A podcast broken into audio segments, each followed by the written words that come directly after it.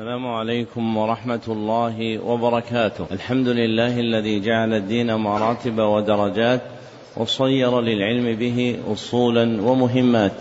وأشهد أن لا إله إلا الله حقا وأشهد أن محمدا عبده ورسوله صدقا.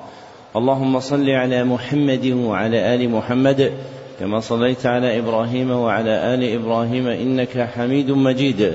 اللهم بارك على محمد وعلى آل محمد كما باركت على إبراهيم وعلى آل إبراهيم إنك حميد مجيد. أما بعد فحدثني جماعة من الشيوخ وهو أول حديث سمعته منهم بإسناد كل إلى سفيان بن عيينة عن عمرو بن دينار عن أبي قابوس مولى عبد الله بن عمرو عن عبد الله بن عمرو بن العاص رضي الله عنهما أنه قال قال رسول الله صلى الله عليه وسلم الراحمون يرحمهم الرحمن ارحموا من في الأرض يرحمكم من في السماء. ومن آكد الرحمة رحمة المعلمين بالمتعلمين في تلقينهم أحكام الدين وترقيتهم في منازل اليقين.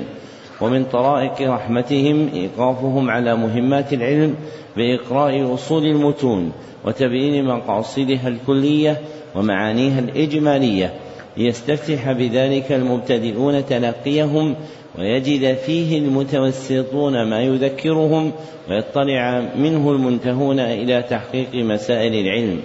وهذا المجلس الأول في شرح الكتاب الثالث عشر من برنامج مهمات العلم في سنته العاشرة أربعين وأربعمائة وألف.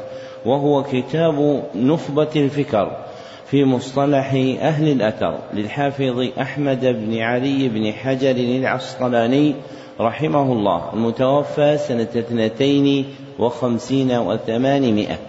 نعم. الحمد لله رب العالمين وصلى الله وسلم على نبينا محمد وعلى آله وصحبه أجمعين. اللهم اغفر لشيخنا ولوالديه ولمشايخه وللمسلمين أجمعين. وبإسنادكم حفظكم الله إلى الحافظ ابن حجر رحمه الله تعالى أنه قال في مصنفه نخبة الفكر بسم الله الرحمن الرحيم. الحمد لله الذي لم يزل عالما قديرا وصلى الله على سيدنا محمد الذي أرسله إلى الناس بشيرا ونذيرا وعلى آل محمد وصحبه وسلم تسليما كثيرا. أما بعد فإن التصانيف في اصطلاح أهل الحديث قد كثرت وبسطت واختصرت. فسألني بعض الإخوان أن ألخص له المهم من ذلك فأجبته إلى سؤاله رجاء الاندراج في تلك المسالك فأقول الخبر إما أن يكون له طرق بلا عدد معين أو مع حصر بما فوق الاثنين أو بهما أو بواحد فالأول المتواتر المفيد للعلم اليقيني بشروطه والثاني المشهور وهو المستفيض على رأي والثالث العزيز وليس شرطا للصحيح خلافا لمن زعمه والرابع الغريب وكلها سوى الأول آحاد وفيها المقبول والمردود لتوقف الاستدلال بها على البحث عن أحوال رواتها دون الأول وقد يقع فيها ما يفيد العلم النظري بالقرائن على المختار. ابتدأ المصنف رحمه الله كتابه بالبسملة ثم ثنى بالحمدلة ثم ثلث بالصلاة والسلام على محمد صلى الله عليه وسلم وعلى آله وصحبه. وهؤلاء الثلاث من آداب التصنيف اتفاقا. فمن صنف كتابا استحب له أن يستفتحه بهن. ثم ذكر أن التصانيف في اصطلاح أهل الحديث أي في طريقتهم التي اختصوا بها أي في طريقتهم التي اختصوا بها في معرفة الحديث في معرفة الحديث مما يتعلق بأحواله وأوصافه مما يتعلق بأحواله وأوصافه. وهي المسماة عندهم مصطلح الحديث وهي المسماة عندهم مصطلح الحديث وحقيقتها القواعد التي يعرف بها الراوي أو المروي حالا أو وصفا القواعد التي يعرف بها الراوي أو المروي حالا أو وصفا فمتعلقها الراوي والمروي فمتعلقها الراوي والمروي. ومورد التعلق إما الحكم إما الحال وإما الوصف. إما الحال وإما الوصف. وذكر أن تلك التصانيف كثرت وبسطت واختصرت وأنه سئل من بعض إخوانه أن يلخص لهم المهم من ذلك. وسائله اسمه عبد السلام ابن أحمد البغدادي. عبد السلام بن أحمد البغدادي. ذكره السخاوي في الجواهر والدرر. ذكره السخاوي في الجواهر والدرر. فأجابه المصنف عن سؤاله رجاء الاندراج في تلك المسالك وصنف هذه النبذة الوجيزة في علم المصطلح. مشتملة على أصول مباحثه. مشتملة على أصول مباحثه. وابتدأ تلك المباحث ببيان ما يتعلق بالخبر. والخبر عند المحدثين مؤلف من شيئين. أحدهما سند والآخر متن. أحدهما سند والآخر متن. فأما السند فهو سلسلة الرواة سلسلة الرواة التي تنتهي إلى منقول قولي أو فعلي أو تقريري. سلسلة, سلسلة الرواة التي تنتهي إلى منقول قولي أو فعلي أو تقريري. وسلسلة الرواة مؤلفة من رواة وصيغ أداء. سلسلة الرواة مؤلفة من رواة وصيغ أداء. وأما المتن فهو ما تنتهي إليه سلسلة الرواة. ما تنتهي إليه سلسلة الرواة من منقول قولي أو فعلي أو تقريري. فما اجتمع فيه السند والمتن عد خبرا عند المحدثين. وذروة المنقول عندهم من الأخبار وأعظمها الأخبار المنقولة عن النبي صلى الله عليه وسلم وذروة المنقول عندهم من الأخبار وأعظمها المنقول عن النبي صلى الله عليه وسلم ثم ألحقوا به المنقول عن الصحابة والتابعين رضي الله عنهم ورحمهم. فالخبر اصطلاحا فالخبر اصطلاحا ما أضيف إلى النبي صلى الله عليه وسلم أو غيره. ما أضيف إلى النبي صلى الله عليه وسلم أو غيره من قول أو فعل أو تقرير. من قول أو فعل أو تقرير. والخبر عند أهل الحديث ينقسم باعتبار طرق وصوله إلينا إلى قسمين. والخبر عند أهل الحديث باعتبار طرق وصوله إلينا ينقسم إلى قسمين. أولهما خبر له طرق بلا عدد معين.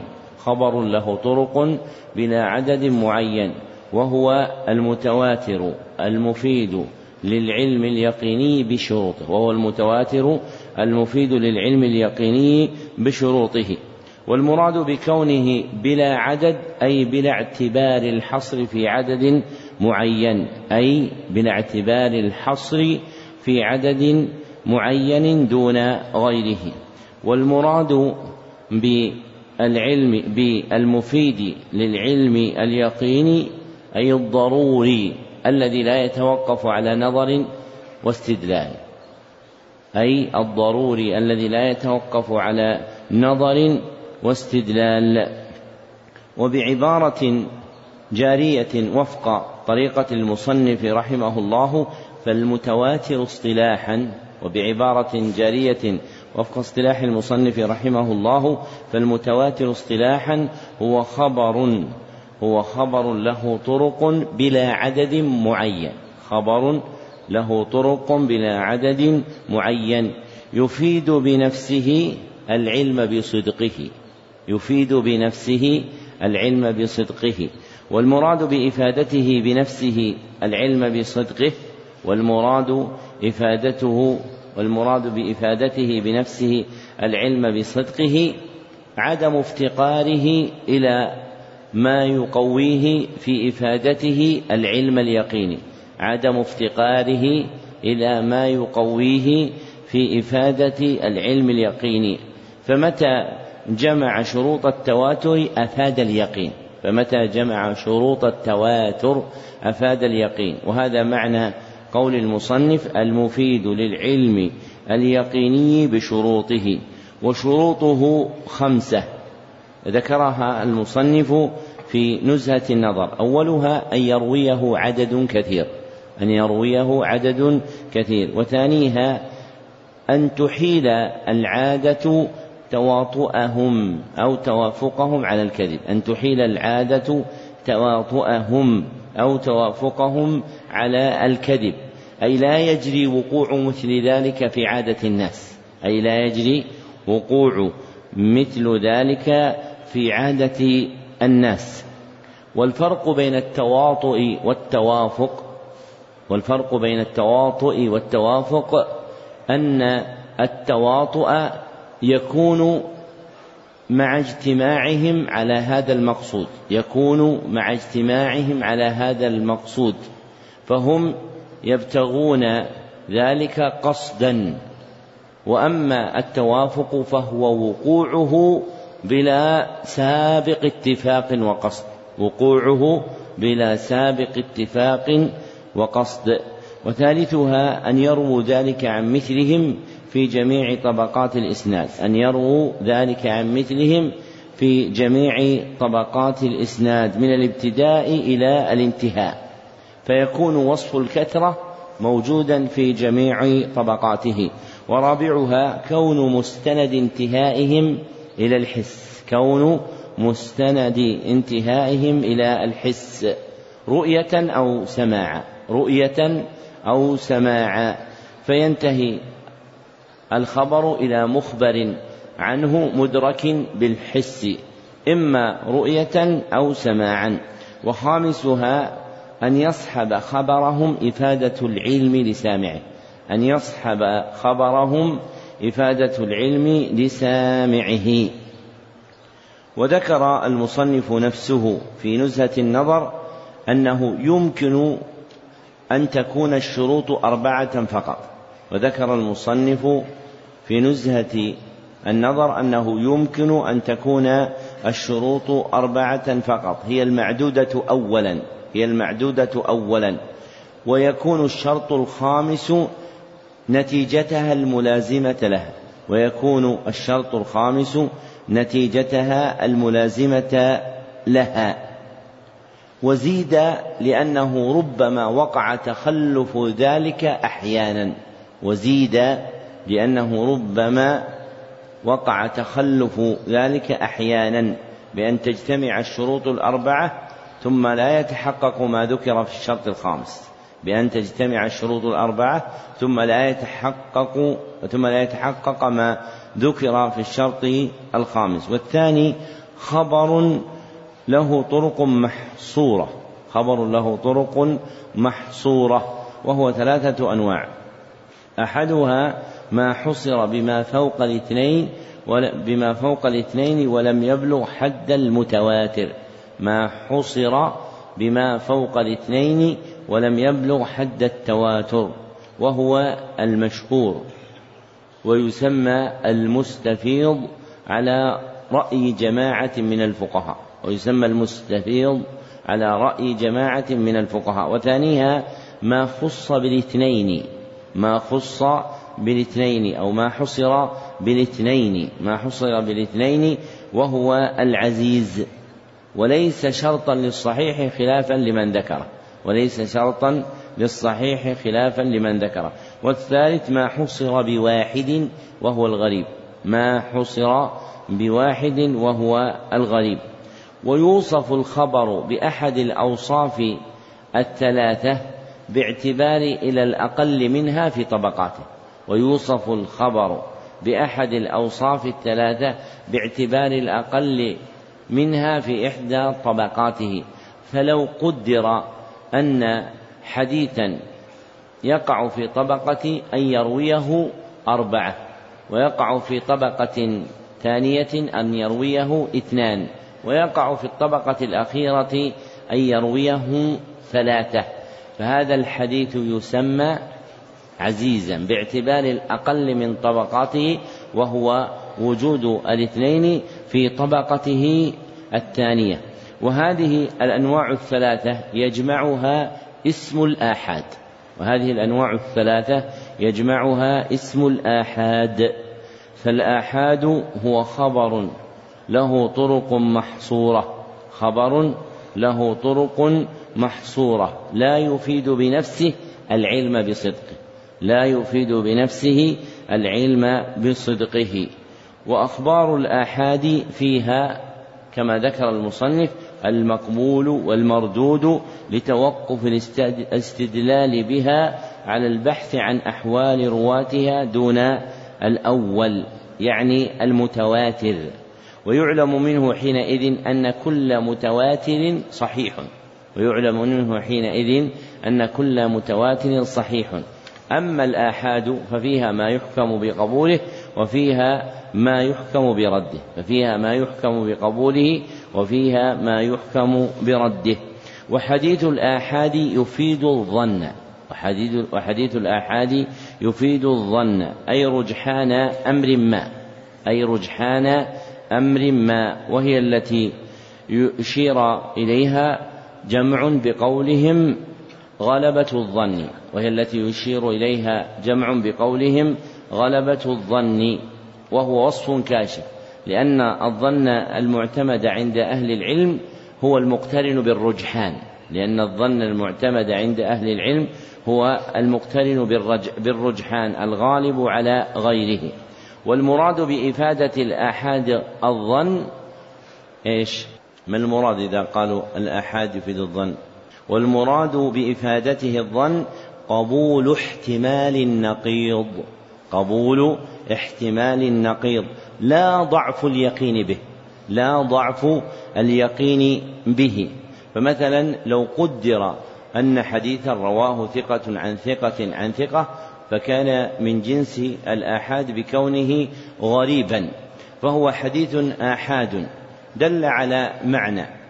فهو يحتمل نقيض ما في معناه قبول نقيض ما في معناه لأن هؤلاء الرواة يحتمل فيهم الغلط والوهم والنسيان.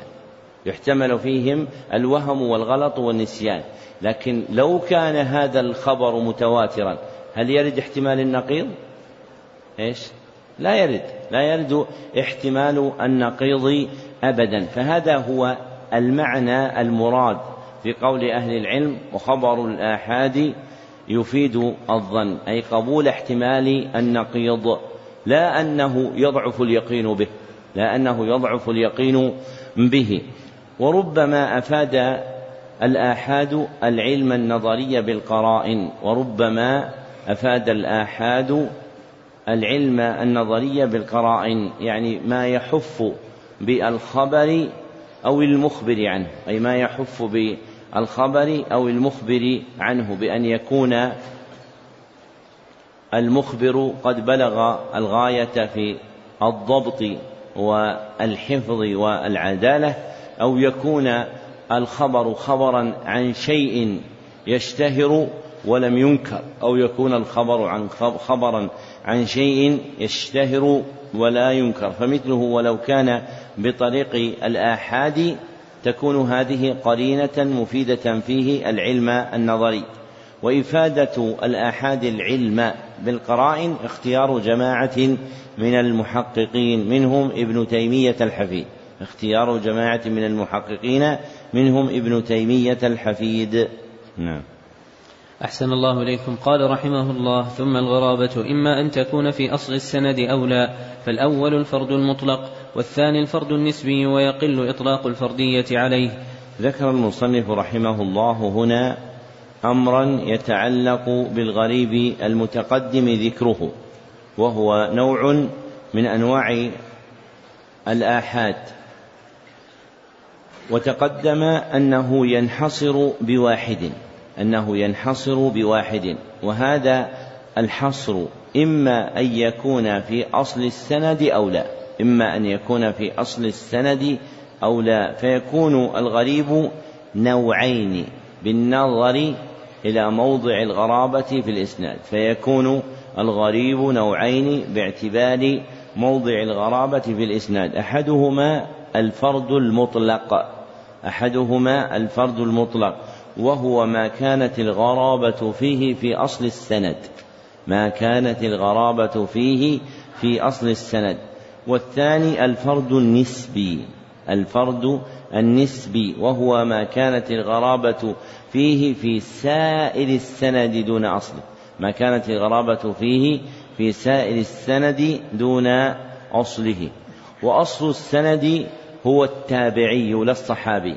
وأصل السند هو التابعي لا الصحابي يعلم ذلك مما نقله ابن قطلبغا يعلم ذلك مما نقله ابن قطلبغا في حاشية نزهة النظر عن شيخه المصنف عن شيخه المصنف ابن حجر في كلامه على هذا الموضع.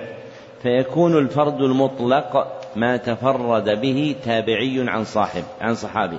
فيكون الفرد المطلق ما تفرد به صحابي عن تابعي. والفرد النسبي ما تفرد به من دون التابعي عن شيخه. ما تفرد به من دون التابعي عن شيخه. وهذا هو ظاهر كلام المصنف في نزهة النظر. وهذا هو ظاهر كلام المصنف في نزهة النظر. وما تقدم نقله عن صاحبه ابن قطربغا يقويه. نعم. أحسن الله إليكم. قال رحمه الله وخبر الآحاد بنقل عدل تام الضبط متصل السند غير معلل ولا شاذ هو الصحيح لذاته وتتفاوت رتبه بتفاوت هذه الأوصاف. ومن ثم قدم صحيح البخاري ثم مسلم ثم شرطهما فإن خف الضبط فالحسن لذاته وبكثرة طرقه يصحح فإن جمع فللتردد في الناقل حيث التفرد وإلا فباعتبار إسنادين. تقدم أن أخبار الآحاد فيها المقبول والمردود وهي قسمة لها باعتبار درجات ثبوتها وهي قسمة لها باعتبار درجات ثبوتها. فذاك الذي تقدم قسمة للخبر باعتبار طرق وصوله إلينا. وهذا المذكور هنا هو قسمة للخبر باعتبار درجات ثبوته. فالحديث المقبول قسمان. فالحديث المقبول قسمان. الأول الصحيح والثاني الحسن. الأول الصحيح والثاني الحسن. ويسمى أيضا خبرا ثابتا ويسمى أيضا خبرا ثابتا. فالحديث المقبول هو الخبر الثابت. فأما القسم الأول وهو الصحيح فهو نوعان أيضا فهو نوعان أيضا. أولهما الصحيح لذاته. وإليه أشار المصنف بقوله خبر الآحاد بنقل عدل تام الضبط المتصل السند غير معلل ولا شاذ هو الصحيح لذاته. فيكون الصحيح لذاته على ما حكاه المصنف هو ما رواه عدل تام الضبط بسند متصل غير معلل ولا شاذ. هو ما رواه عدل تام الضبط بسند متصل غير معلل ولا شاذ. والمعلل كما سيأتي هو الحديث الذي اطلع على وهم راويه بالقرائن. هو الحديث الذي اطلع على وهم راويه بالقرائن. والشاذ كما سيأتي هو الحديث الذي خالف فيه الراوي المقبول من هو أرجح منه. هو الحديث الذي خالف فيه الراوي المقبول من هو أرجح منه. فإذا وجدت هذه الأوصاف المذكورة كان الحديث صحيحا. وتتفاوت رتب الصحيح لتفاوت الأوصاف المذكورة في حده. ومن ثم قدم صحيح البخاري ثم مسلم ثم شرطهما. لتحقق أوصاف الصحيح في الأول أكثر منها في الثاني وتحققها في الثاني أكثر منها في الثالث. وأوصاف الصحيح خمسة وأوصاف الصحيح خمسة. أحدها عدالة رواته عدالة رواته وثانيها تمام ضبطهم تمام ضبطهم. وثالثها اتصال سنده اتصال سنده. ورابعها سلامته من العلة. سلامته من العلة. وخامسها سلامته من الشذوذ. فإذا اجتمعت هذه الأوصاف في حديث ما كان حديثا صحيحا لذاته. والنوع الثاني الصحيح لغيره. وإليه أشار المصنف بقوله وبكثرة طرقه يصحح. بعد ذكره الحديث الحسن لذاته. بعد ذكره الحديث الحسن لذاته. فيكون الصحيح لغيره هو الحسن لذاته إذا كثرت طرقه هو الحسن لذاته إذا كثرت طرقه. فتكون أفراد طرقه حسنة. فتكون أفراد طرقه حسنة. فإذا ضم الواحد منها إلى الآخر أكسبها المجموع قوة. أكسبها المجموع قوة فصار الحديث صحيحا لكن لذاته لا لغيره لكن لذاته لا لغيره. وقيل لغيره لأنه اكتسب الصحة من مجموع مع غيره لأنه اكتسب الصحة من مجموع مع غيره بخلاف ما كان لذاته فإنه يرجع إلى ذلك الحديث نفسه. وأما القسم الثاني من المقبول وهو الحسن فهو نوعان أيضا. وأما القسم الثاني من المقبول وهو الحسن فهو نوعان أيضا. أولهما الحسن لذاته. الحسن لذاته. وإليه أشار المصنف بقوله فإن خف الضبط فالحسن لذاته. فإن خف الضبط فالحسن لذاته. والمراد مع وجود بقية الشروط والمراد مع بقية الشروط السابقة.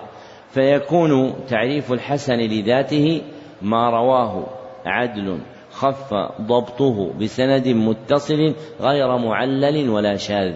ما رواه عدل خف ضبطه بسند متصل غير معلل ولا شاذ. والمراد بخفة الضبط قصوره عن التمام مع بقاء أصله والمراد بخفة الضبط قصوره عن التمام مع بقاء أصله. فيكون أصل الضبط موجودا إلا أنه متقاصر عن رتبة الضبط التام إلا أنه متقاصر عن رتبة الضبط التام. والثاني الحسن لغيره الحسن لغيره. ولم يذكره المصنف هنا. لكنه قال في موضع سيأتي ومتى توبع سيء الحفظ بمعتبر وكذا المستور والمرسل والمدلس صار حديثهم حسنا لا لذاته بل بالمجموع. ومتى توبع سيد سيء الحفظ بمعتبر وكذا المستور والمرسل والمدلس صار حديثهم حسنا لا لذاته بل بالمجموع. انتهى كلامه. فيكون الحسن لغيره على ما حكاه المصنف هو حديث سيء الحفظ والمستور والمرسل والمدلس إذا توبع بغيره. هو حديث سيء الحفظ والمستور هو حديث سيء الحفظ والمستور والمرسل والمدلس إذا توبع بمعتبر إذا توبع بمعتبر. والذي تقتضيه صناعة الحدود والذي تقتضيه صناعة الحدود أن يختصر عد أنواعه بملاحظة الوصف الجامع لها بملاحظة الوصف الجامع لها. والوصف الجامع لهذه المذكورات خفة الضبط وقبول الاعتضاد. والوصف الجامع لهذه المذكورات خفة الضبط وقبول الاعتضاد. خفة الضبط وقبول الاعتضاد. فيكون الحسن لغيره اصطلاحا الحديث الذي كان ضعفه خفيفا الحديث الذي كان ضعفه خفيفا واعتضد بما هو مثله أو فوقه. واعتضد بما هو مثله أو فوقه. فإذا وجد ضعف يسير في حديث بإسناد له ووجد مثله أيضا فمجموعهما يكون به. الحديث حسنا لغيره يكون الحديث بمجموعهما حسنا لغيره. وإذا زاد العدد كأن تكون ثلاثة أو أربعة فهذا أقوى. وهذه الأنواع الأربعة المتقدمة للحديث المقبول لا بد من ردها إلى أصل جامع. لا بد من ردها إلى أصل جامع. فالصحيح لذاته والصحيح لغيره يجتمعان في كونهما إيش؟ صحيحا. والحسن لذاته والحسن لغيره يجتمعان في كونهما حسنا. وإن اختلفت رتبة كل نوع من الصحة قوة وضعفا. وقد أشار إلى هذا المصنف في كتاب الإفصاح بالنكت عن ابن الصلاح وتلميذه السخاوي في التوضيح الأبهر وهو شرح تذكرة ابن الملقن. فذكر أنه ينبغي أن يكون الصحيح لذاته والصحيح لغيره مجموعين في حد واحد. مجموعين في حد واحد. وينبغي أن يكون الحسن لذاته والحسن لغيره مجموعين في حد واحد. ومتابعة لجادة نخبة الفكر فإنه يمكن أن يقال الحديث الصحيح هو ما رواه عدل تام الضبط أو القاصر عنه. وما رواه عدل تام الضبط أو القاصر عنه إذا اعتضد إذا اعتضد بسند متصل غير معلل ولا شاذ إذا اعتضد بسند متصل غير معلل ولا شاذ. والقاصر عن العدل التام الضبط هو من خف ضبطه والقاصر عن العدل التام الضبط هو من خف ضبطه. والعاضد له هو من كان مثله أو فوقه. والعاضد له هو من كان مثله أو فوقه. فهذا التعريف يجمع نوعي الحديث الصحيح. فهذا التعريف يجمع نوعي الحديث الصحيح. ويقال في الحسن أيضا هو ما رواه عدل خف ضبطه بسند متصل. ما رواه عدل خف ضبطه بسند متصل. أو كان ضعفه خفيفا واعتضد. أو كان ضعفه خفيفا واعتضد. غير معلل ولا شاذ. غير معلل ولا شاذ. وخفيف الضعف هو كما تقدم أن يكون سبب ضعفه لا يمنع التقوية به. هو كما تقدم أن يكون سبب ضعفه لا يمنع التقوية به. كالأنواع التي عدها المصنف في قوله حديث سيء الحفظ والمستور والمرسل والمدلس. فهؤلاء ممن يصدق فيهم أن ضعفه خفيف يقبل التقوية والعاضد له هو من كان مثله أو فوقه والعاضد له هو من كان مثله أو فوقه. وهذا التعريف يجمع نوعي الحسن لذاته والحسن لغيره. يجمع نوعي الحسن لذاته والحسن لغيره. فيكون كل تعريف منهما كافيا في بيان حقيقة الصحيح وحقيقة الحسن. ثم ينتج من كل تعريف معرفة أن الصحيح يكون تارة صحيحا لذاته وتارة صحيحا لغيره وأن الحسن يكون تارة حسنا لذاته وتارة حسنا لغيره. ثم ذكر المصنف رحمه الله معنى الجمع بين الصحيح والحسن. في قولهم حديث حسن صحيح. وأن له حالين. وأن له حالين. الأولى أن يكون له سند واحد. أي الأولى أن يكون له سند واحد. فيكون جمعهما فيكون جمعهما للتردد في حال راويه. للتردد في حال راويه. أي هل يحكم لمرويه بالصحة أو الحسن؟ أي هل يحكم لراويه بالصحة أو الحسن؟ والثانية أن يكون له إسنادان أن يكون له إسنادان. فيكون جمعهما باعتبار أن أحدهما حسن والآخر صحيح. فيكون جمعهما باعتبار أن أحدهما حسن والآخر صحيح فيقال فيه حسن صحيح. وهذا الذي اختاره المصنف هو أحد المسالك التي فسر بها قول الترمذي حسن صحيح وفسره غيره بغيره وهي مسألة مبسوطة في المطولات. لكن مما ينبغي أن يعقل أن المتكلمين في هذه المسألة لم يختلفوا أن قول الترمذي حسن صحيح هو تصحيح للحديث.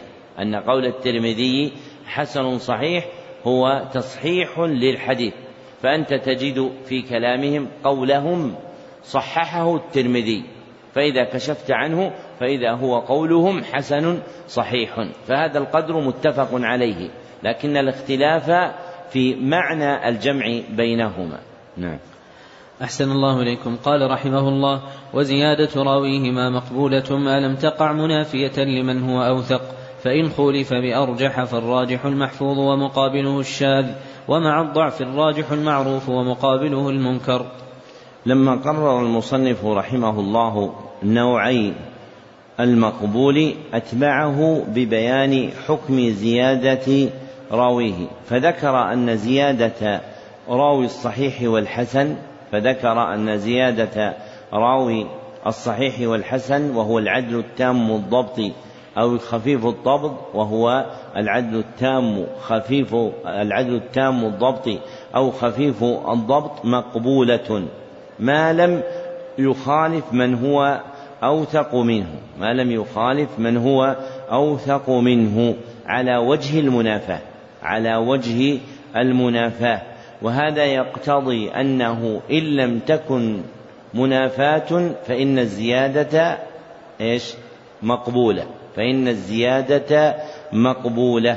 فزيادة عدل تام الضبط أو من خف ضبطه مقبولة بشرط ألا تكون منافية رواية من هو أوثق منه. بشرط ألا تكون منافية رواية من هو أوثق منه.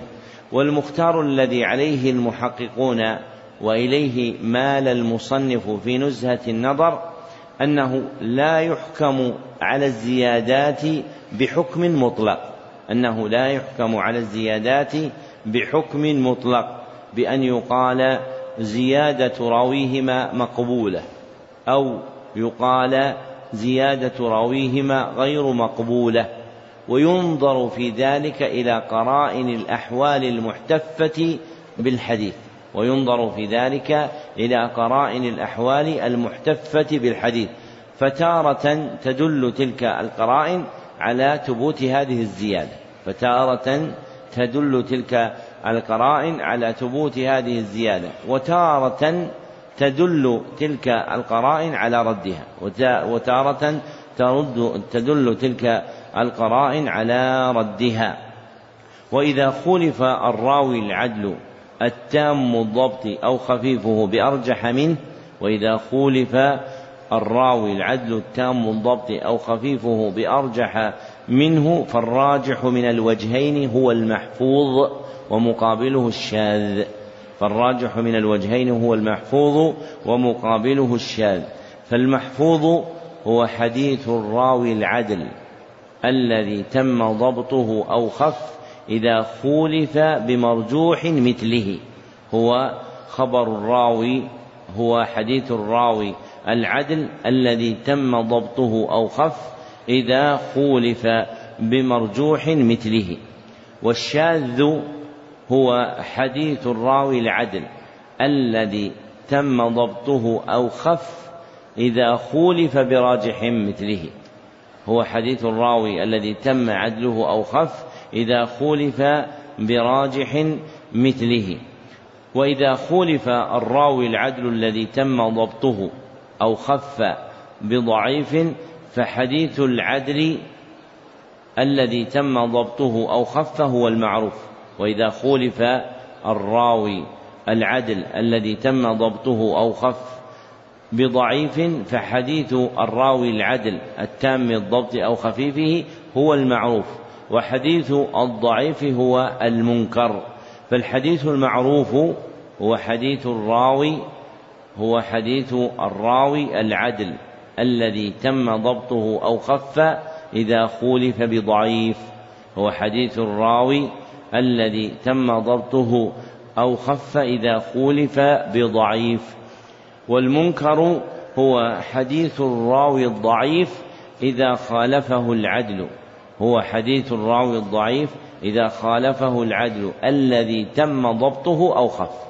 الذي تم ضبطه أو خف. والضعيف هنا جنس يراد به من خف ضبطه. يراد به من خف ضبطه ومن اشتد. والضعيف هنا جنس يراد به من خف ضعفه ومن اشتد فقد يكون خفه ضعفه خفيفا ككونه سيء حفظ وقد يكون ضعفه شديدا ككونه متهما بالكذب. نعم. أحسن الله إليكم. قال رحمه الله والفرد النسبي إن وافقه غيره فهو المتابع وإن وجد متن يشبهه فهو الشاهد وتتبع الطرق لذلك هو الاعتبار. تقدم أن الفرد النسبي هو ما كانت الغرابة فيه في سائر السند دون أصله فلم ينفرد به تابعي ووقع الانفراد دونه. فإذا وافق التابعي غيره أو وافق من دونه فذلك هو المتابع والمتابعة فعله وهي المرادة في الفن فذلك هو المتابع والمتابعة فعله وهي المرادة في الفن. ولا تختص بالفرد النسبي فتقع في الفرد المطلق أيضا. ولا تختص بالفرد النسبي فتقع في الفرد المطلق أيضا. ويقال في تعريف المتابعة هي موافقة الراوي غيره. هي موافقة الراوي غيره. في روايته عن شيخه في روايته عن شيخه أو من فوقه لحديث معلوم أو من فوقه لحديث معلوم. والموافقة في روايته عن شيخه تسمى متابعة تامة. والموافقة في روايته عن شيخه تسمى متابعة تامة. والموافقة في روايته عمن فوقه تسمى متابعة قاصرة. والموافقة في روايته عمن فوقه تسمى متابعة قاصرة فالمتابعات نوعان فالمتابعات نوعان. أحدهما المتابعة التامة المتابعة التامة وهي موافقة الراوي غيره في روايته عن شيخه. موافقة الراوي غيره في روايته عن شيخه. والآخر المتابعة القاصرة المتابعة القاصرة. وهي موافقة الراوي غيره في روايته عمن فوق شيخه في روايته عمن فوق شيخه. ويقارن المتابعة عندهم الشاهد ويقارن المتابعة عندهم الشاهد وهو متن يروى عن صحابي آخر يشبه متن حديث معلوم. متن يروى عن صحابي آخر يشبه متن حديث معلوم. فالمتابعة تتعلق بحديث واحد عن الصحابي نفسه بحديث واحد عن الصحابي نفسه. وأما الشاهد فيتعلق بحديث صحابيين فأكثر. وأما الشاهد فيتعلق بحديث صحابيين فأكثر بأن يكون أحدهما يشهد للحديث الآخر. والمقصود بالحديث المعلوم ما يطلب له المتابع أو الشاهد. ما يطلب له المتابع أو الشاهد. والمتابعة والشاهد يرجعان إلى أصل كلي هو الاعتبار. والمتابعة والشاهد يرجعان إلى أصل كلي هو الاعتبار. والاعتبار هو تتبع الطرق أي الأسانيد. تتبع الطرق أي الأسانيد للوقوف على المتابعات والشواهد. للوقوف على المتابعات والشواهد. فالتماس المتابعات والشواهد يسمى اعتبارا. نعم. أحسن الله إليكم. قال رحمه الله ثم المقبول إن سلم من المعارضة فهو المحكم وإن عورض بمثله فإن أمكن الجمع فهو مختلف الحديث أو ثبت المتأخر فهو الناسخ والآخر المنسوخ وإلا فالترجيح ثم التوقف. لما فرغ المصنف رحمه الله من بيان قسمة الحديث المقبول باعتبار درجة درجة قبوله ذكر هنا قسمته باعتبار العمل به. ذكر هنا قسمته باعتبار العمل به. فالحديث المقبول باعتبار العمل به له قسمان. فالحديث المقبول باعتبار العمل به له قسمان. الأول خبر مقبول سلم من المعارضة. خبر مقبول سلم من المعارضة وهو المحكم. والثاني خبر مقبول لم يسلم من المعارضة. لم يسلم من المعارضة بل عورض بمثله بل عورض بمثله وهذا له قسمان وهذا له قسمان. أحدهما ما أمكن الجمع بينهما ما أمكن الجمع بينهما وهو مختلف الحديث وهو مختلف الحديث. فمختلف الحديث عندهم الجمع بين الأحاديث المتوهم تعارضها. الجمع بين الأحاديث المتوهم تعارضها وقولنا المتوهم تعارضها أي باعتبار نظر المجتهد أي باعتبار نظر المجتهد. أما هي في نفسها فغير متعارضة أما هي في نفسها فغير متعارضة متعارضة فلا يقال عنها الأحاديث الموهمة للتعارض الموهمة للتعارض. فإن الإيهام يرجع إلى كونه صادرا من الحديث نفسه وهذا غلط. فالواقع هنا حدوث توهم في نظر المجتهد. والجمع بين الأحاديث هو التأليف بين مدلولي حديثين فأكثر. هو التأليف. بين مدلولي حديثين فأكثر توهم تعارضهما. أو يوهمان التعارض. ها؟ توهم ولا يوهمان؟ توهم يعني أن الناظر هو الذي صدر منه ذلك. توهم تعارضهما دون تكلف ولا إحداث. دون تكلف ولا إحداث. ومعنى التكلف تحميل الحديث ما لا يحتمل. ومعنى التكلف تحميل الحديث ما لا يحتمل من المعنى. ومعنى الإحداث اختراع معنى غير معتد به في الشريعة. اختراع معنى غير معتد به في الشريعة. والقسم الآخر ما لم يمكن الجمع بينهما. ما لم يمكن الجمع بينهما. فإن ثبت المتأخر فهو الناسخ. فإن ثبت المتأخر فهو الناسخ والآخر المنسوخ والآخر المنسوخ. فيسمى المتقدم منسوخا ويسمى المتأخر ناسخا. فيسمى المتقدم منسوخا ويسمى المتأخر ناسخا. وإن لم يعرف المتأخر منهما صير إلى الترجيح صير إلى الترجيح. إن أمكن. وإلا حكم بالتوقف وإلا حكم بالتوقف. وهذه الجملة مشتمل مشتملة على أربعة ألفاظ يحسن بيانها. أولها الحديث الناسخ الحديث الناسخ وهو الحديث المتراخي الدال على رفع الخطاب الشرعي الحديث المتراخي الدال على رفع الخطاب الشرعي أو حكمه أو هما معا أو حكمه أو هما معا. وقولنا الحديث المتراخي أي المتأخر صدوره عن النبي صلى الله عليه وسلم أي المتأخر صدوره عن النبي صلى الله عليه وسلم.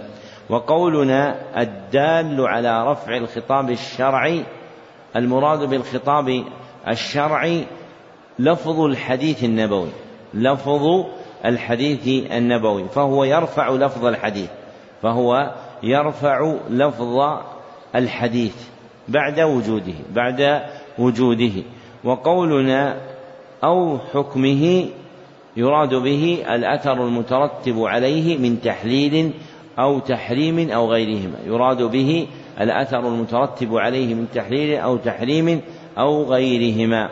وثانيها الحديث المنسوخ وهو الحديث المتقدم الذي رفع خطابه أو حكمه أو هما معا. الحديث المتقدم الذي رفع خطابه أو حكمه أو هما معا. وثالثها الترجيح بين الأحاديث وهو تقديم حديث مقبول على مثله. تقديم حديث مقبول على مثله لتعذر الجمع بقرينة لتعذر الجمع بقرينة فيحكم بترجيح حديث على آخر بقرينة أوجبت الترجيح فيحكم بترجيح حديث على آخر لقرينة أوجبت الترجيح. ورابعها التوقف بالأحاديث التوقف في الأحاديث. وهو منع تقديم حديث مقبول على مثله. منع تقديم حديث مقبول على مثله. لتعذر الجمع وخفاء دليل التقديم. لتعذر الجمع وخفاء دليل التقديم. نعم. أحسن الله إليكم. قال رحمه الله ثم المردود إما أن يكون لسقط أو طعن فالسقط إما أن يكون من مبادئ السند من مصنف أو من آخره بعد التابعي أو غير ذلك. فالأول المعلق والثاني المرسل والثالث إن كان باثنين فصاعدا مع التوالي فهو المعضل وإلا فالمنقطع ثم قد يكون واضحا أو خفيا. فالأول يدرك بعدم التلاقي ومن ثم احتيج إلى التأريخ. والثاني المدلس ويرد بصيغة تحتمل اللقي كعن وقال وكذا المرسل الخفي من معاصر لم يلق. بعد أن فرغ المصنف رحمه الله من بيان ما يتعلق بالحديث المقبول شرع يبين ما يتعلق بالحديث المردود وأهمل تعريفه استغناء بظهوره من قسمي الحديث المقبول الصحيح والحسن. وأهمل تعريفه استغناء بظهوره من قسمي المقبول الصحيح والحسن فإنه إذا عرف الصحيح والحسن عرف المردود لأنه مقابل لهما فالحديث المردود هو الحديث الذي فقد شرطا من شروط القبول هو الحديث الذي فقد شرطا من شروط القبول. والمقصود بالمردود الحديث الضعيف. المقصود بالمردود الحديث الضعيف الذي تندرج تندرج فيه جميع الأفراد المردودة. الذي تندرج فيه جميع الأفراد المردودة كالمرسل والمنقطع والمتروك والباطل والموضوع. كالمرسل والمنقطع والمتروك والباطل والموضوع. فهو اسم جنس. يشتمل على أفراد فهو اسم جنس يشتمل على أفراد. يجمعها الحد المتقدم وهو أن المردود ما فقد شرطا من شروط إيش؟ القبول. فأي شيء فقد شرطا من شرط القبول فهو ضعيف مردود ودرجات ضعفه متفاوتة كما سيأتي. والحديث المردود له قسمان. له قسمان. أحدهما ما رد لسقط ما رد لسقط. وتفتح القاف فيه تسكن وتفتح فيه القاف وتسكن. تسكن ولا تسكن؟ لأن هناك مسكن لها. يعني حاكم بالسكون. صح؟ طيب تحفظ تحفة الأطفال؟ ها؟ طيب للنون إن غلط. تسكن. وليس تسكن. أنتم قبل شوي تقولون تسكن. حكم عليها للنون إن إيش؟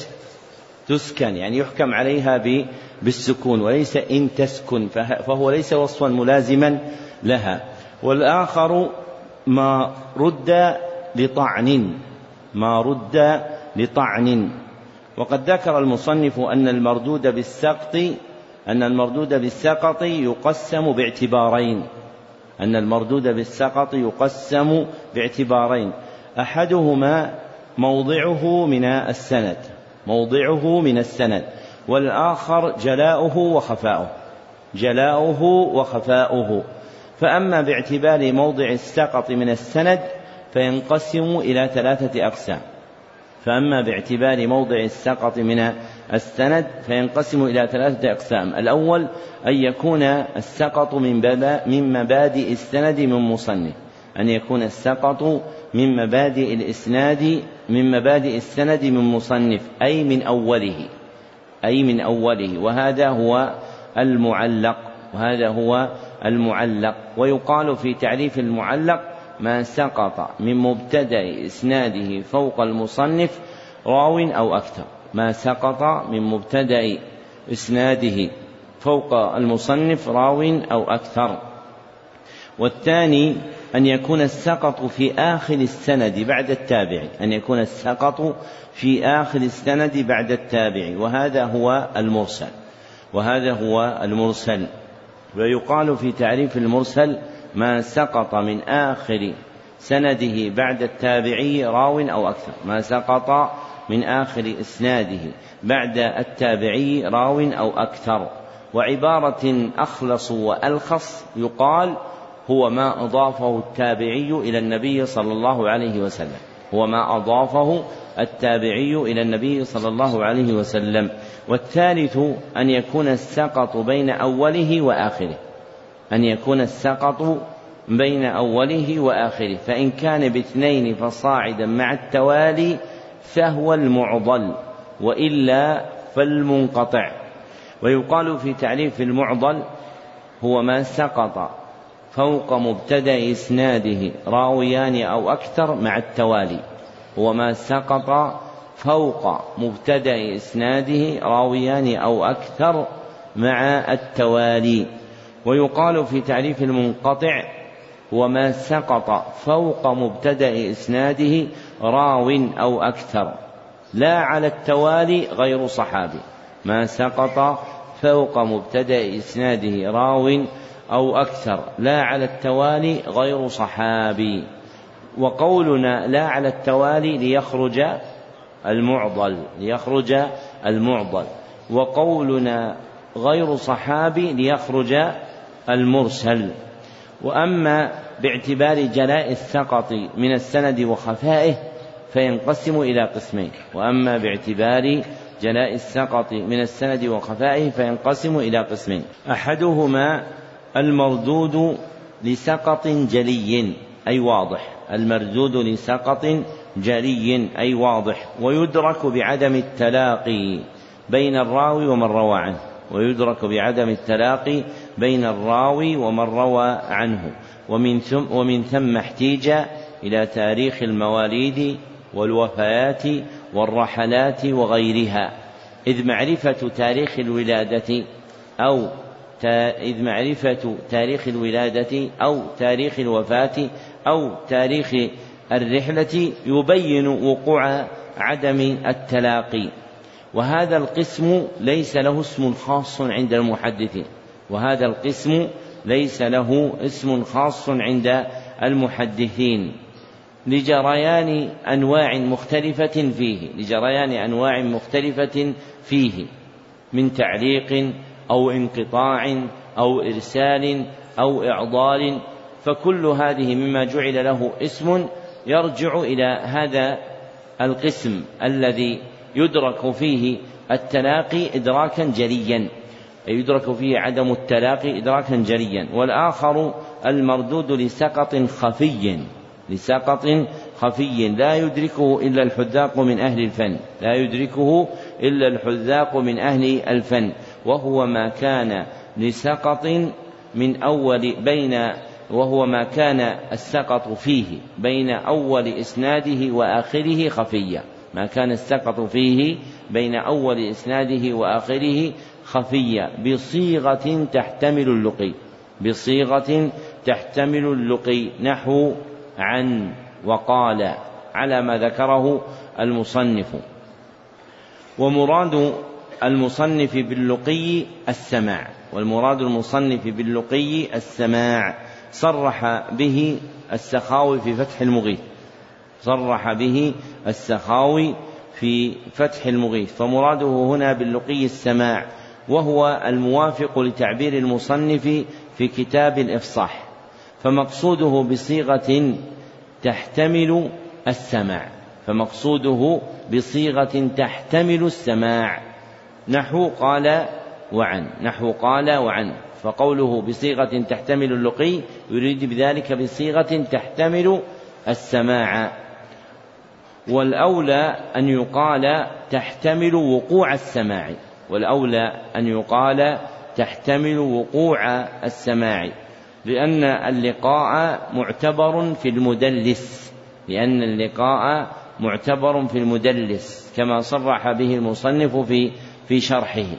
فقد تحقق لقاء المدلس بشيخه فقد تحقق لقاء المدلس بشيخه ولم يبق إلا احتمال السماع ولم يبق إلا احتمال السماع فيما دلس فيه.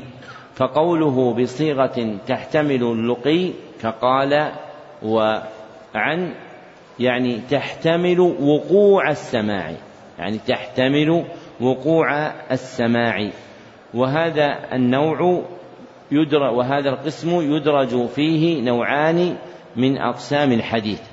أحدهما أو الأول المدلس المدلس وهو وفق عبارة المصنف حديث رجل عمن لقيه ما لم يسمعه منه.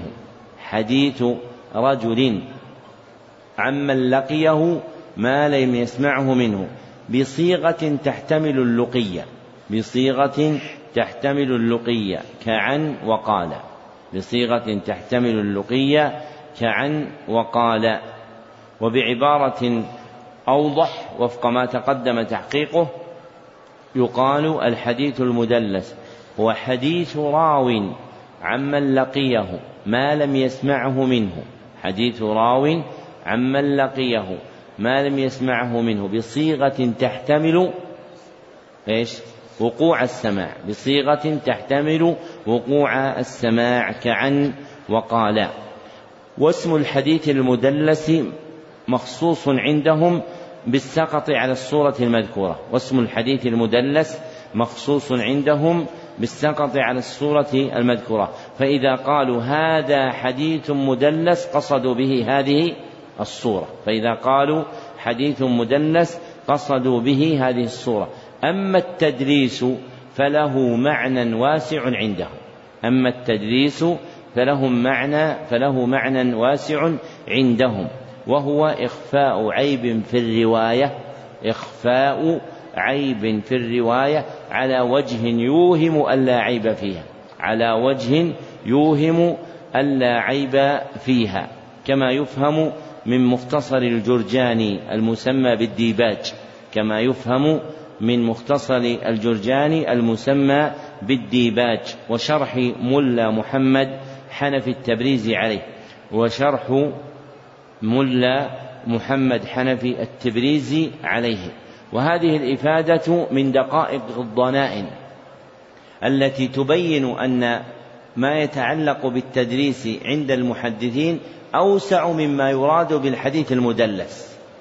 وبيان هذا أن أنواع التدليس عندهم مختلفة ومنها تدليس الشيوخ. ومنها تدليس الشيوخ بأن يعمد راو إلى تدليس اسم شيخه بما يوهم أنه غير المعروف بما أنه يوهم غير المعروف. كما لو قال قائل حدثنا عبد الله بن محمد الكوفي يريد بذلك حدثنا أبو بكر بن أبي شيبة فإن أبا بكر مشهور بكنيته ونسبته إلى كنية أبيه.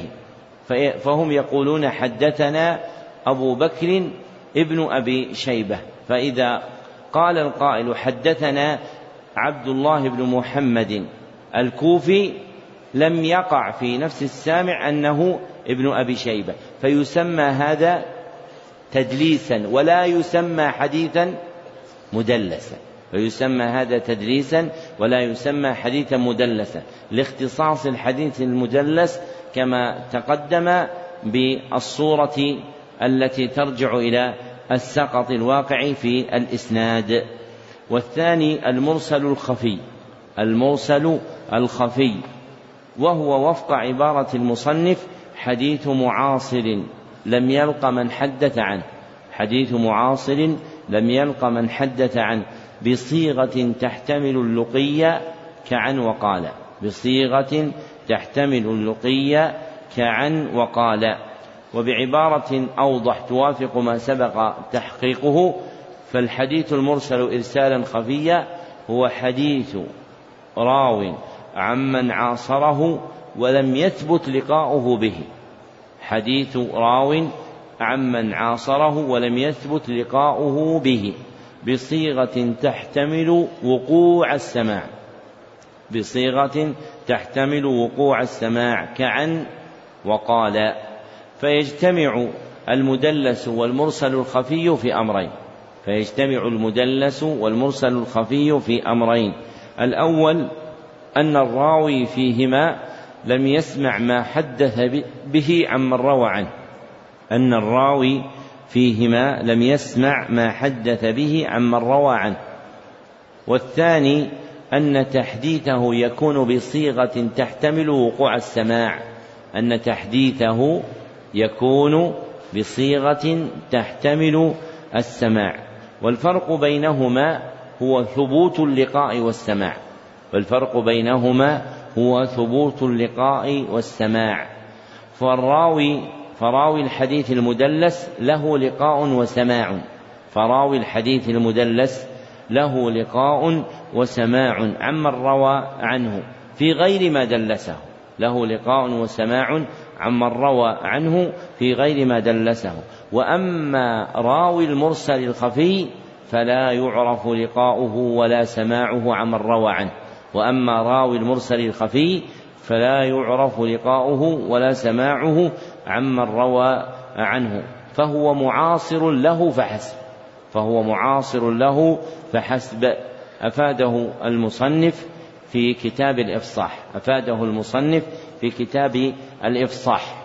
ومن الموارد النافعة في العلم لمن أراد أن يستكمل أصلا وثيقا في علم مصطلح الحديث أن يعمد إلى نزهة النظر ثم يلحق بها المباحث التي حررها ابن حجر في كتب أخرى مما يتعلق بما في نزهة النظر.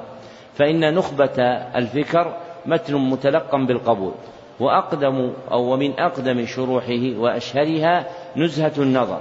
وهذا الشرح مع جلالته يزيده جلالة لو نهض ناهض بجمع متفرق ابن حجر نفسه من كتبه وإلحاقه بهذا الكتاب. إما في تمتين علمه هو بمصطلح الحديث وإما في نفع المسلمين عامة. فإن في مباحث هذا الكتاب أشياء زائدة في كتاب الإفصاح بالنكت على ابن الصلاح أو حتى في فتح الباري. فإذا ألحقت زاد هذا الكتاب نضارة. وجمع النفس على هذه الأصول المعتمدة. وحسن تفهمها هو الطريق إلى العلم الأصيل. لا تشعيب النفس بأنواع من الكتب المختلفة وخاصة في العلوم الآلية. فالعلوم الآلية لو قصدت أن تقرأ كل ما صنف في النحو أو كل ما صنف في المصطلح أو كل ما صنف في أصول الفقه لا احتجت إلى عمر طويل. لكن تجمع من كل علم نافع أصلا وثيقا ومنه في العلوم الآلية نزهة النظر مع التزيين الذي قلناه بضم تلك الزيادات التي لابن حجر في كتبه المتفرقة. نعم. أحسن الله إليكم. قال رحمه الله ثم الطعن إما أن يكون لكذب الراوي أو تهمته بذلك أو فحش غلطه أو غفلته أو فسقه أو وهمه أو مخالفته أو جهالته أو بدعته أو سوء حفظه. فالأول الموضوع والثاني المتروك والثالث المنكر على رأي وكذا الرابع والخامس. ثم الوهم إن اطلع عليه بالقرائن وجمع الطرق فالمعلل ثم المخالفة إن كانت بتغيير السياق فمدرج الإسناد أو بدمج موقوف بمرفوع فمدرج المتن أو بتقديم أو تأخير فالمقلوب أو بزيادة راو فالمزيد في متصل الأسانيد أو بإبداله ولا مرجح فالمضطرب وقد يقع الإبدال عمدا امتحانا أو بتغيير حروف مع بقاء السياق فالمصحف والمحرف. ولا يجوز تعمد تغيير المتن بالنقص والمرادف إلا لعالم بما يحيل المعاني فإن خفي المعنى احتيج إلى شرح الغريب وبيان المشكل. ثم الجهالة وسببها أن الراوي قد تكثر نعوته فيذكر بغير ما اشتهر به لغرض وصنفوا فيه الموضح. وقد يكون مقلا فلا يكثر الأخذ عنه وفيه الوحدان أو لا يسمى اختصارا وفيه المبهمات ولا يقبل المبهم ولو أبهم بلفظ التعديل على الأصح. فإن سمي وانفرد واحد عنه فمجهول العين أو اثنان فصاعدا ولم يوثق فمجهول الحال وهو المستور. ثم البدعة إما بمكفر أو بمفسق فالأول لا يقبل صاحبها الجمهور. والثاني يقبل من لم يكن داعية في الأصح إلا إن روى ما يقوي بدعته فيرد على المختار. وبه صرح الجوزجاني شيخ النسائي. ثم سوء الحفظ إن كان لازما فالشاذ على رأي أو طارئا فالمختلط ومتى توبع سيء الحفظ بمعتبر وكذا المستور والمرسل والمدلس صار حديثهم حسنا لا لذاته بل بالمجموع. ذكر المصنف رحمه الله في الجملة السابقة أسباب الرد لسقط وأنواعه وأتبعها هنا بأسباب الرد للطعن في الراوي الموجبة بالموجبة رد حديثه وعدة أسباب الرد لطعن عشرة وعدة أسباب الرد لطعن عشرة. الأول كذب الراوي كذب الراوي ويسمى حديثه موضوعا وحده الكذب المختلق المصنوع على النبي صلى الله عليه وسلم أو غيره. الكذب المختلق المصنوع على النبي صلى الله عليه وسلم وغيره فلا يختص الوضع بكونه على النبي صلى الله عليه وسلم بل قد يكون وضعا على صحابي أو تابعي. ولو قيل هو الكذب على الرسول صلى الله عليه وسلم أو غيره كفى في حده لكن تتابع أهل العلم على التعبير بقولهم الكذب المختلق المصنوع. لماذا؟ لماذا أكملوه. يعني للتشنيع والتبشيع. للتشنيع والتبشيع. فلأجل تشنيع ذلك قالوا الكذب المختلق المصنوع. وأكدوه بقولهم المختلق المصنوع. والثاني تهمة الراوي. تهمة الراوي بالكذب. تهمة الراوي بالكذب. وتهمة كهمزة. وتهمة كهمزة. أي في وزنها. ويسمى حديثه متروكا. وحده الحديث الذي يرويه متهم بالكذب. الحديث الذي يرويه متهم بالكذب. فالحديث الذي يكون راويه متهما بالكذب يسمى متروكا. ومن ذخائر نزهة النظر بيان حقيقة الراوي المتهم بالكذب. بيان حقيقة الراوي المتهم بالكذب وأنه من اتصف بأحد وصفين وأنه من اتصف بأحد وصفين. أحدهما أن يظهر كذبه في حديث الناس أن يظهر كذبه في حديث الناس دون حديث النبي صلى الله عليه وسلم. والآخر أن لا يروى ذلك الحديث الذي حدث به إلا من جهته أن لا يروى ذلك الحديث الذي حدث به إلا من جهته ويكون مخالفا قواعد الشرع ويكون مخالفا قواعد الشرع. فإذا اتصف الراوي بأحدهما سمي متهما بالكذب سمي متهما بالكذب وسمي حديثه متروكا وسمي حديثه متروكا. وللمتروك حقيقة أخرى لا تندرج في هذا التعريف وهي ما ذكره البيقوني في قوله متروكه ما واحد به انفرد وأجمعوا لضعفه فهو كرد. فيكون على هذا الحديث المتروك هو الحديث الذي انفرد بروايته راو مجمع على راو مجمع على ضعفه. هو الحديث الذي انفرد بروايته راو مجمع على ضعفه. فإذا جمع صار الحديث المتروك هو الحديث. فإذا جمع صار الحديث المتروك هو الحديث الذي يرويه المتهم بالكذب هو الحديث الذي يرويه المتهم بالكذب. أو انفرد بروايته مجمع راو مجمع على ضعفه أو انفرد بروايته راو مجمع على ضعفه. والثالث فحش غلط الراوي فحش غلط الراوي ويسمى حديثا ويسمى حديثه منكرا. في قول بعض أهل العلم. وحده الحديث الذي يرويه فاحش الغلط. الحديث الذي يرويه فاحش الغلط. والغلط هو الخطأ. والغلط هو الخطأ. وفحشه كثرته. وفحشه كثرته. ويوصف الراوي بفحش الغلط إذا كان خطأه في الرواية أكثر من صوابه. ويوصف الراوي بفحش الغلط إذا كان خطأه في الرواية أكثر من صوابه أو هما متساويان أو هما متساويان. حققه ملا علي قارئ في شرح شرح نخبة الفكر. حققه ملا علي قارئ في شرح شرح نخبة الفكر. وأما مجرد وقوع الغلط فإن الإنسان لا يسلم منه. وأما مجرد وقوع الغلط فإن الإنسان لا يسلم منه ولا يوجب رد حديث الراوي. والرابع كثرة غفلة الراوي. كثرة غفلة الراوي. ويسمى حديثه منكرا أيضا. ويسمى حديثه منكرا أيضا في قول بعض أهل العلم. وحده الحديث الذي يرويه كثير الغفلة. الحديث الذي يرويه كثير الغفلة. والغفلة سهو يعتري الإنسان فيغيب عنه مراده ولا يتذكره سهو يعتري الإنسان فيغيب عنه مراده ولا يتذكره. ولا بد من تقييدها بالفحش أي الكثرة. ولا بد من تقييدها بالفحش أي الكثرة. لأن الغفلة اليسيرة جبلة آدمية لا ينفك عنها الإنسان فلا توجب الطعن. بل موجب الطعن هو فحش غفلته هو فحش غفلته. والخامس فسق الراوي فسق الراوي. ويسمى حديثه منكرا أيضا في قول بعض أهل العلم.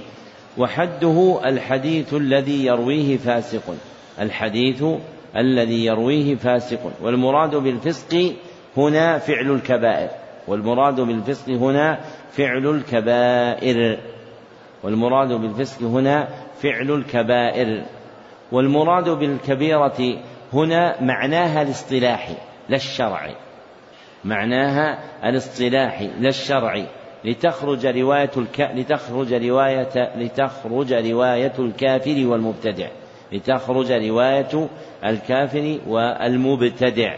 والكبيرة اصطلاحا كما تقدم ما نهي عنه على وجه التعظيم مما ليس شركا وكفرا أو بدعة ما ليس شركا وكفرا أو بدعة.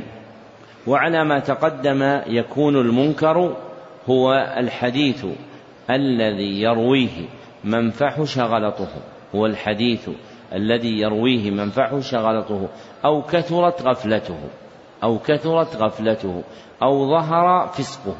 أو ظهر فسقه فيعم حديث هؤلاء جميعا وتقدم له معنى آخر فيما سبق وتقدم له معنى آخر فيما سبق والفرق بين هذا المعنى وذلك المعنى إيش؟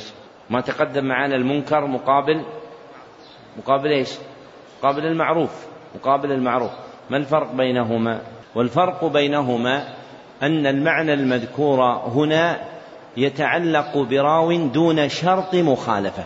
أن المعنى المذكور هنا يتعلق براو دون شرط مخالفة. أما المعنى المتقدم هناك فلا بد فيه من وجود المخالفة. فلا بد فيه من وجود المخالفة. والسادس وهم الراوي. وهم الراوي. والوهم هو الغلط. وزنا ومعنى. هو الغلط وزنا ومعنى. يعني يقال وهم ولا يقال وهم. فالوهم له معنى آخر. لكن هنا المراد به الوهم الذي هو الغلط. ومعناه أن يروي الراوي الحديث على سبيل التوهم أي الغلط. ومعناه أن يروي الراوي الحديث على سبيل التوهم أي الغلط الناشئ عن عن سهو أي الغلط الناشئ عن سهو. فلا حقيقة له في نفس الأمر فلا حقيقة له في نفس الأمر. والوهم نوعان. أحدهما وهم ظاهر لا يحتاج فيه إلى القرائن وجمع الطرق للاطلاع عليه وهو الذي عناه المصنف بقوله أو فحش غلطه أو غفلته. وهو الذي عناه المصنف بقوله أو فحش غلطه أو غفلته. والثاني وهم خفي. وهم خفي وهو ما يحتاج فيه إلى القرائن وجمع الطرق وهو ما يحتاج فيه إلى القرائن وجمع الطرق للاطلاع عليه.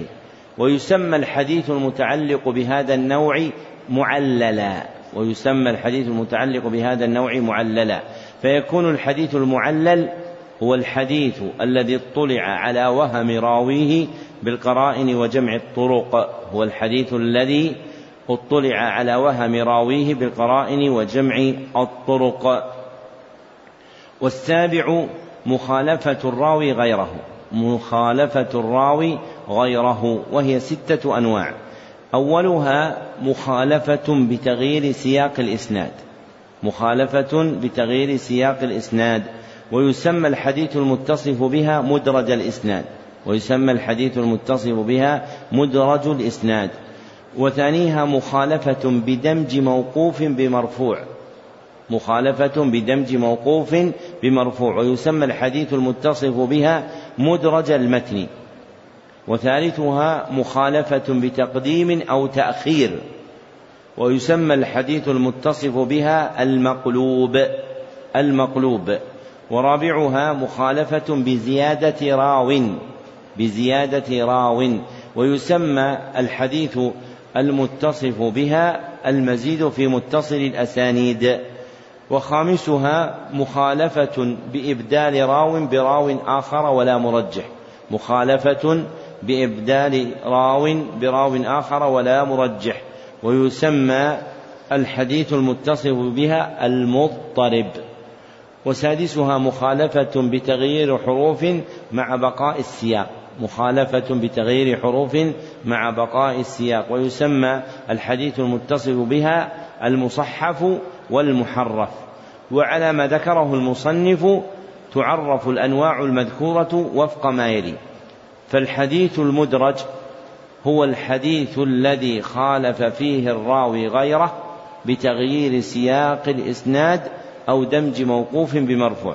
هو الحديث الذي خالف فيه الراوي غيره بتغيير سياق الإسناد أو دمج موقوف بمرفوع وبعبارة أوضح هو الحديث الذي أدخل فيه ما ليس منه هو الحديث الذي أدخل فيه ما ليس منه والمقلوب هو الحديث الذي خالف فيه الراوي غيره بتقديم أو تأخير والمقلوب هو الحديث الذي خالف فيه الراوي غيره بتقديم أو تأخير. والصحيح أنه الحديث الذي وقع فيه الإبدال أنه الحديث الذي وقع فيه الإبدال ليشمل التقديم والتأخير وغيرهما. ليشمل التقديم والتأخير وغيرهما. فيقال بعبارة أبين هو الحديث الذي خالف فيه الراوي غيره بالإبدال. هو الحديث الذي خالف فيه الراوي غيره بالإبدال. والمزيد في متصل الأسانيد هو الحديث الذي خالف فيه الراوي غيره بزيادة راو في أثناء الإسناد. هو الحديث الذي خالف فيه الراوي غيره بزيادة راو في أثناء الإسناد. ومن لم يزدها أتقن ممن زادها. ومن لم يزدها أتقن ممن زادها. فيكون الزائد أدخل راويا في إسناد متصل. أدخل راويا في إسناد متصل. وشرطه أن يقع التصريح بالسماع في موضع الزيادة. أن يقع التصريح بالسماع في موضع الزيادة من الراوي الأتقن من الراوي الأتقن. وإلا متى كان معنعنا فربما ترجحت الزيادة أو صح الوجهان معا. والمضطرب هو الحديث الذي خالف فيه الراوي غيره بإبدال راو ولا مرجح. هو الحديث الذي خالف فيه الراوي غيره بإبدال راو ولا مرجح. والصحيح أنه الحديث الذي روي على وجوه مختلفة متساوية. الحديث الذي روي على وجوه مختلفة متساوية. ولم يمكن الجمع بينها ولا ترجيح أحدها. ولم يمكن الجمع بينها ولا ترجيح أحدها. والمصحف والمحرف هو الحديث الذي خالف فيه الراوي غيره بتغيير حروف مع بقاء السياق بتغيير حروف مع بقاء السياق. وبين المصنف في نزهة النظر الفرق بينهما بأن ما كان فيه التغيير بالنسبة إلى النقط فهو المصحف. بأن ما كان فيه التغيير بالنسبة إلى النقط فهو المصحف وما كان فيه التغيير بالنسبة إلى الشكل أي الحركات فهو المحرف وما كان فيه التغيير بالنسبة إلى الشكل وهو الحركات فهو المحرف. والشائع عند المحدثين استعمالهما بمعنى واحد والشائع عند المحدثين استعمالهما بمعنى واحد. وهذا التغيير يكون في النطق أي في التلفظ. وهذا التغيير يكون في النطق أي التلفظ. أو في الرسم وهو الكتابة. أو في الرسم وهو الكتابة. أو المعنى. أو المعنى. ولأجل هذا ذكر المصنف رواية الحديث بالمعنى بعد هذا. لأنها تغيير فقال ولا يجوز تعمد تغيير المتن إلى آخره. وهذه الجملة وهذه الجملة ذكر فيها مسألتين. وهذه الجملة ذكر فيها مسألتين. أولاهما تعريف رواية الحديث بالمعنى. تعريف رواية الحديث بالمعنى. فيستفاد مما ذكره أنها تغيير متن الحديث بالنقص والمرادف. تغيير لفظ الحديث أو متن الحديث بالنقص والمرادف. وتغيير متن الحديث بالنقص يكون بترك بعض ألفاظه. وتغيير متن الحديث بالنقص يكون بترك بعض ألفاظه. وتغييره بالمرادف يكون بأن يغير لفظ بلفظ آخر يؤدي معناه. بأن يغير لفظ بلفظ آخر يؤدي معناه. وهذا يكون وهذه الرواية الحديث في المعنى تكون في المتن كثيرا. تكون في المتن كثيرا. وتكون في الإسناد أيضا. وتكون في الإسناد أيضا. ومنه قول البخاري وبه بعد رواية حديث بإسناد. ومنه قول البخاري وبه بعد رواية حديث بإسناد. فإنه يروي حديثا بإسناد. ثم يقول وبه ويذكر إسنادا آخر. فقوله وبه رواية بالمعنى للإسناد الأول. رواية بالمعنى للإسناد الأول. وأما المسألة الثانية فهي بيان حكم رواية الحديث بالمعنى وهو عدم الجواز إلا لعالم بما تحيل المعاني. عدم الجواز إلا لعالم بما تحيل المعاني. ثم استطرد المصنف فذكر أن خفاء معنى المتن أثمر علمين من علوم الحديث. هما غريب الحديث ومشكل الحديث. غريب الحديث ومشكل الحديث. والفرق بينهما أن غريب الحديث هو ما خفي فيه معنى اللفظ لكونه مستعملا بقلة. ما خفي فيه معنى اللفظ لكونه مستعملا بقلة. ومشكل الحديث هو ما خفي فيه معنى اللفظ لدقة مدلوله. ما خفي فيه معنى اللفظ لدقة مدلوله.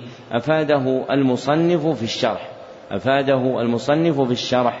والثامن من أسباب أسباب الطعن جهالة الراوي. وهي عدم العلم بالراوي أو بحاله. وهي عدم العلم بالراوي أو بحاله. وذكر المصنف أن أسباب الجهالة ثلاثة. أولها كثرة نعوت الراوي.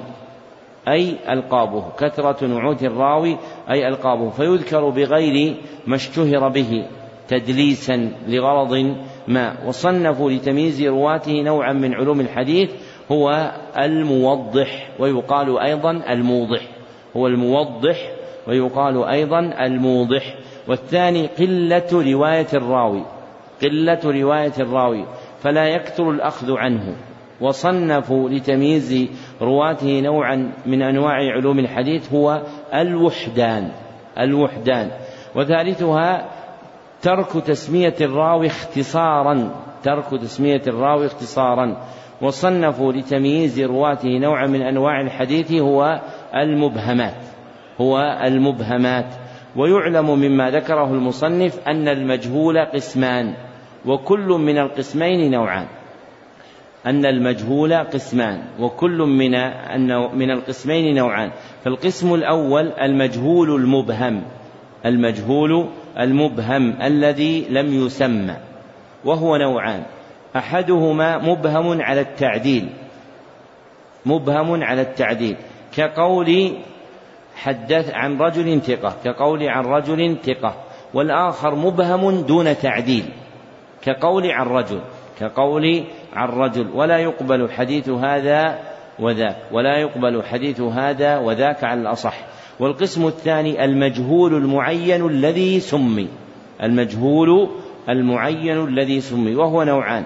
أحدهما ما سمي وانفرد واحد عنه ما سمي وانفرد واحد عنه ولم يوثق ولم يوثق وهو مجهول العين. والآخر ما سمي وروى عنه اثنان فصاعدا ولم يوثق ما سمي وروى عنه اثنان فصاعدا ولم يوثق وهو مجهول الحال ويسمى مستورا. والتاسع من أسباب الطعن بدعة الراوي بدعة الراوي. وهي على ما ذكره المصنف نوعان. أحدهما بدعة بمكفر ولا يقبل حديث صاحبها الجمهور وثانيها بدعة بمفسق.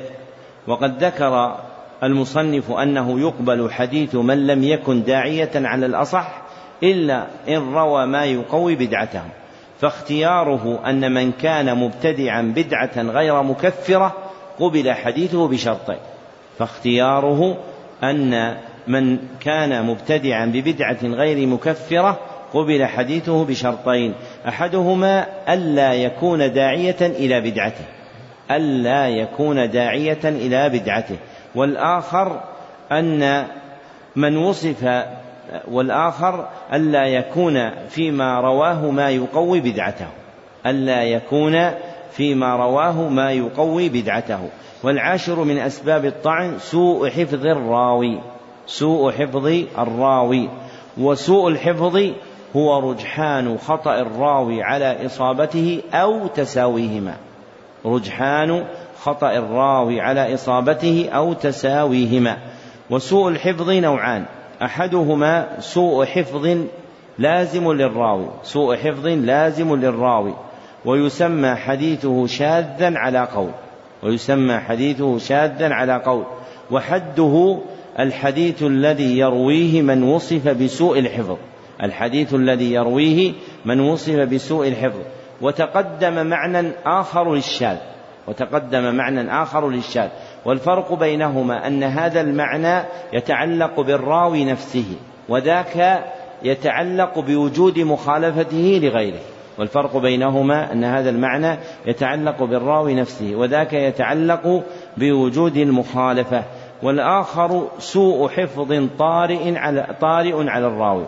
سوء حفظ طارئ على الراوي ويسمى الراوي الموصوف به مختلطا مختلطا وهي حال تعتري من كان ضابطا محفوظه وهي حال تعتري من كان ضابطا محفوظه. ثم طرأ عليه سوء الحفظ فتغير حفظه. ثم طرأ عليه سوء الحفظ وتغير حفظه فصار مختلطا.